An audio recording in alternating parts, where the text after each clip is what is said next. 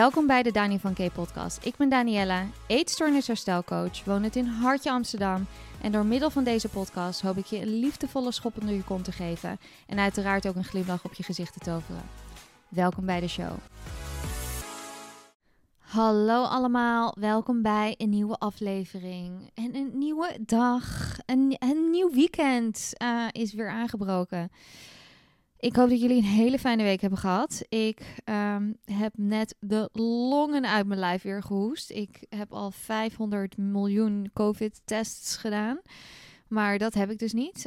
Um, ik heb gewoon een beetje een. Uh, ik denk gewoon een beetje een griepje onder de leden. Die uh, er niet helemaal uh, doorheen wilt komen. Waar ik op zich best wel prima mee ben. Maar goed, alsnog irritant dat ik elke keer zo'n hoestaanval uit het niets krijg. Dus mocht dat weer gebeuren bij deze uh, ben je gewaarschuwd. Dankjewel voor alle lieve reacties van uh, de vorige aflevering. Ik ben echt zo dankbaar voor deze community. Ik heb zoveel mensen nou ja, in mijn inbox gekregen van... oh mijn god, ik kijk er zo naar uit. En toen het eenmaal online was. Um, natuurlijk, jullie weten inmiddels waar je aan toe bent. Wat ik al eerder zei, we gaan gewoon heel beknopt allerlei onderwerpen bespreken. Maar alsnog weet je natuurlijk in feite pas wat er gaat komen als je het aan het luisteren bent. Dus nogmaals, ik ben echt super dankbaar voor alle lieve reacties. Ik heb ook heel veel um, reacties gekregen op mijn nieuwe aanbod, uh, op de exclusive offer. Dus daar ben ik ook heel, heel, heel, heel blij mee dat er zoveel mensen geïnteresseerd in zijn. We hebben nog niet alle plekjes gevuld. Ik uh, kan maar 10 tot 15 mensen aannemen. Want ja, het is gewoon uh, gelimiteerd. Mocht je nog interesse hebben daarin, ik, ik, nou ja, ik, doe het, ik stop het linkje in de show notes. En um, stuur me vooral een DM'tje, een berichtje of een e-mail.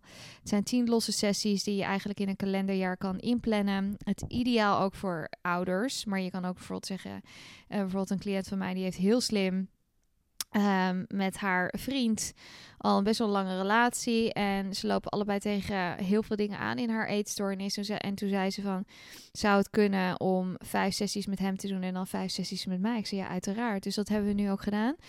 Dus in een heel kalenderjaar heeft ze uh, nu al haar tien sessies ingepland. Maar het is in feite vrij flexibel. Want als zij zoiets heeft van: oké, ik wil eigenlijk deze week niet, want het komt even niet lekker uit. Dan kunnen we dat ook omzetten. Plus, je kan ook zeggen: ik wil niet van tevoren inplannen. Um, en ik doe het gewoon op het moment zelf. Wanneer ik er zelf behoefte aan heb, mag dat ook. Je mag het ook gewoon zelfs om de week doen. Het is een beetje aan jou. En dat, is het, dat maakt het zo, ja, zo ideaal. Dus eigenlijk in feite gewoon een ordinaire strippenkaart voor coaching. Daar moet je eigenlijk aan denken. Dus nogmaals, mocht je interesse hebben, vol is vol. Ik uh, weet niet hoe lang ik dit kan aanbieden. Want als het vol zit, dan ja, kan je je voorstellen dat ik al met mijn andere programma's en dan met dit uh, aanbod op een gegeven moment gewoon volgeboekt zit. Dus dan kom je op de wachtlijst terecht. Dus nogmaals, meld je aan. En mocht ik geen plek hebben, kan ik je altijd een losse sessie aanbieden. Een single boost sessie. Dus dat is in ieder geval fijn. Dus Mocht je twijfelen, meld je gewoon aan. En um, programma's, intakes zijn altijd gratis. En dat is eigenlijk een beetje de huishoudelijke, het huishoudelijke gebeuren. Alright, nou, we gaan het vandaag hebben over iets wat eigenlijk een vervolg is op aflevering 2. En dat was eigenlijk, ik stipte het een klein beetje aan. En dat was uh, of mensen zich ziek genoeg voelen. En je niet ziek genoeg voelen is iets wat heel veel voorkomt tijdens het hebben van een eetstoornis. En dat heeft voornamelijk te maken, helaas, ook met onze cultuur waarin we leven, met onze maatschappij. We leven natuurlijk in een extreem eetgestoorde maatschappij, kan je wel zeggen. Dus heel veel mensen voelen zich um, ja, eigenlijk niet gezien. Omdat ze zoiets hebben van ja, maar mijn moeder, mijn broer, mijn zus, iedereen zit een beetje op dieet en doet ongeveer hetzelfde als wat ik doe. Dus hoe kan het nou zo erg zijn? Daarbij heb ik ook geen ondergewicht. We verzinnen altijd wel redenen dat het niet erg genoeg is. Nou kan ik één ding zeggen. Er is een extreem verschil tussen eetgestoord gedrag, oftewel chronisch diëten of chronisch um, ja, uh, op je calorieën letten en al dat soort dingen, versus echt een een eetstoornis. En dat heeft weer te maken met die genetische predispositie. Je moet het echt zien als gewoon een genetische aanleg. Daar zit echt het grote verschil in. En waar ik voornamelijk het grote verschil in zie, ook bij vrienden bij mij om me heen, bij eigenlijk iedereen, is dat de mensen die dus echt, echt een, echt een full-blown eetstoornis hebben, en waarvan ik er dus natuurlijk ook eentje had, versus mijn vrienden. Ik weet nog heel goed Helemaal aan het begin toen het bij mij misging, dat was rond mijn achttiende, toen ging het echt goed mis. En ik was volledig in de ontkenning. Echt zwaar in de ontkenning. Omdat ik de hele tijd werd nou, bejubeld vanwege mijn gewichtsverlies. En dat was uh, in de tijd, daarvoor had ik klinisch overgewicht. En ik verloor dus gewicht. En iedereen zei: Wauw, wat goed. Dat zie je er goed uit. Nou, wat goed van jou. Oh, wat sport je veel, hè? Nou, iedereen. Ik kreeg alleen maar complimenten links en rechts. Dus uiteraard werd mijn um, gedachtepatroon uh, versterkt. Van oké, ik ben, ik doe iets goeds. En een hele lange tijd dacht ik dus echt dat ik, dat ik echt geen probleem had. Totdat het op een gegeven moment alles steeds minder werd en steeds meer rigide. De regels werden steeds strikter. En ik, het, ik, ik, raakte gewoon verzand in een gedachtepatroon en een ge, nou, gedragingen waar ik echt voor mijn gevoel niet uitkwam. Het was een soort van drijfzand. Nou, en dat is dus het verschil tussen eetgestoord gedrag versus een eetstoornis.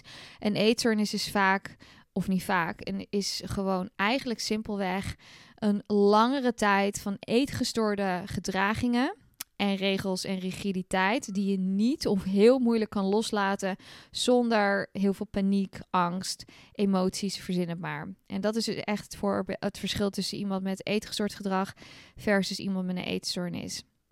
Nou, nogmaals is het zo dat heel veel mensen het gevoel hebben: ja, maar bij mij is het niet erg genoeg, want ik heb nog nooit ondergewicht gehad. Ik ben nog nooit opgenomen geweest in een kliniek. Ik heb het er eigenlijk nog nooit met iemand over gehad.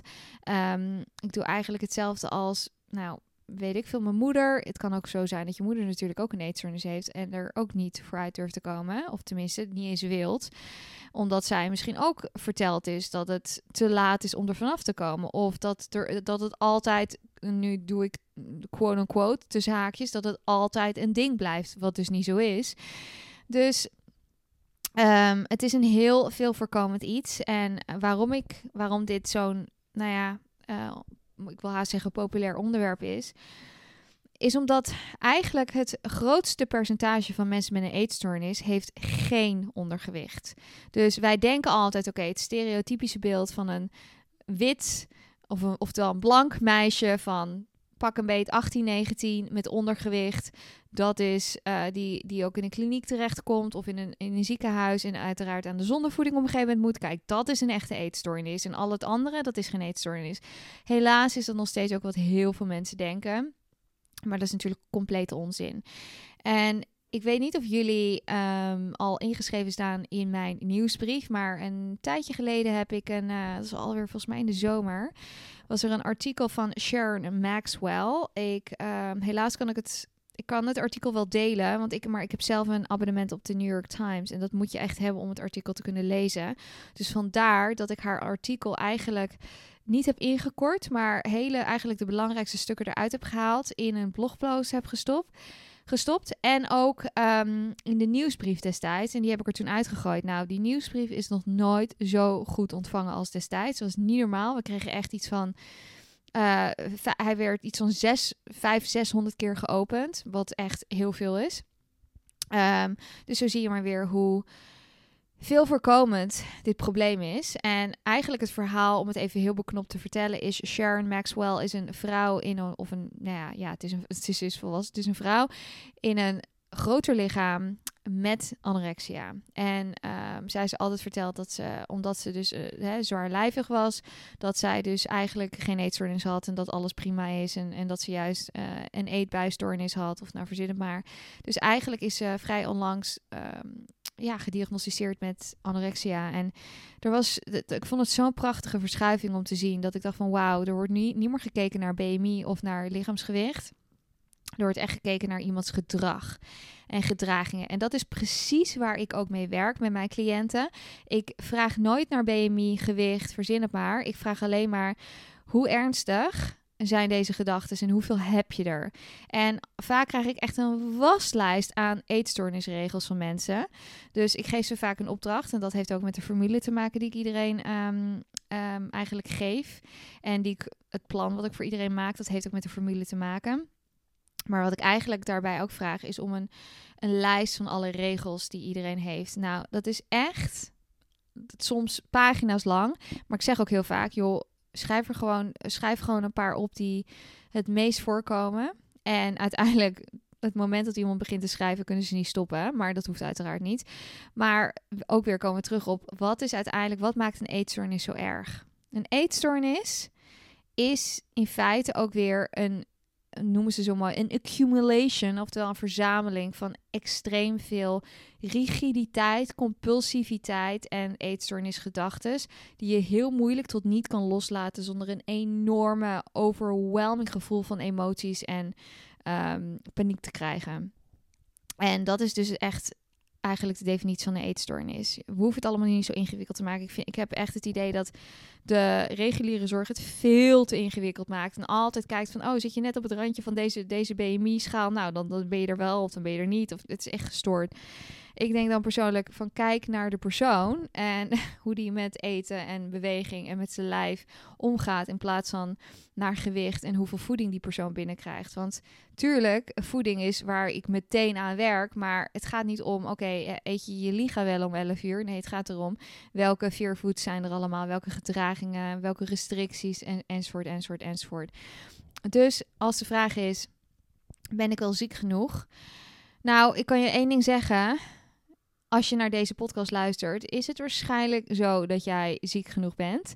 Want ik ken vrij weinig mensen die naar een eetstoornisherstel podcast luisteren die geen eetstoornis hebben. Sterker nog, ik heb volgens mij nog nooit een vriend of een vriendin gehad die um, naar mijn, nou ja, wel een paar naar mijn Engelse podcast luisteren, omdat, daar, omdat ik daar ook heel veel persoonlijke dingen deel. Maar naar deze podcast absoluut niet. En dat zie ik ook niet gebeuren, want ja, wat ik al zei, ze hebben geen eetstoornis. Dus het interesseert ze allemaal niet. Dus bij deze, wat je, ik denk dat je jezelf moet gaan afvragen: wat maakt voor mij een eetstoornis erg genoeg? En dat is denk ik helaas komen we weer terug op het stukje gewicht. En dat is, dat is gewoon onzin. Dat is één ja, een façade. Dat is gewoon niet waar. Het heeft niks met gewicht te maken. Ze zeggen ook wel eens, het, is geen weight disorder. Het is geen gewichtstoornis. Het is een eetstoornis. Het is een mentale ziekte met heel veel, wat ik al zei, regels, rigiditeit, compulsiviteit, OCD, verzinnen maar de hele mikmak. Dus ja, het is, het is erg genoeg. En ja, je mag om hulp vragen. Dus mocht jij zoiets hebben van, ik voel me heel alleen, weet dat je niet alleen bent. Weet dat er talloze mensen zijn. En sterker nog, dat het hogere percentage juist zit bij mensen met een eetstoornis zonder ondergewicht. Dus dat ondergewicht eigenlijk het, het een kleiner percentage is. Dus ik hoop dat dat enigszins helpt. Ik hoop dat je hierdoor enigszins minder alleen voelt. En mocht je hulp nodig hebben, schrijf je dan in voor of een single boost sessie of voor mijn nieuwe aanbod, mijn exclusive offer of voor een nieuw programma. Intakes zijn gratis. Helaas is de Recovery Bootcamp nu afgelopen, maar die komt weer terug in um, november. Dus daar kan je jezelf ook voor de wachtlijst op of op de wachtlijst zetten. En ik zie je hier volgende week. Doei!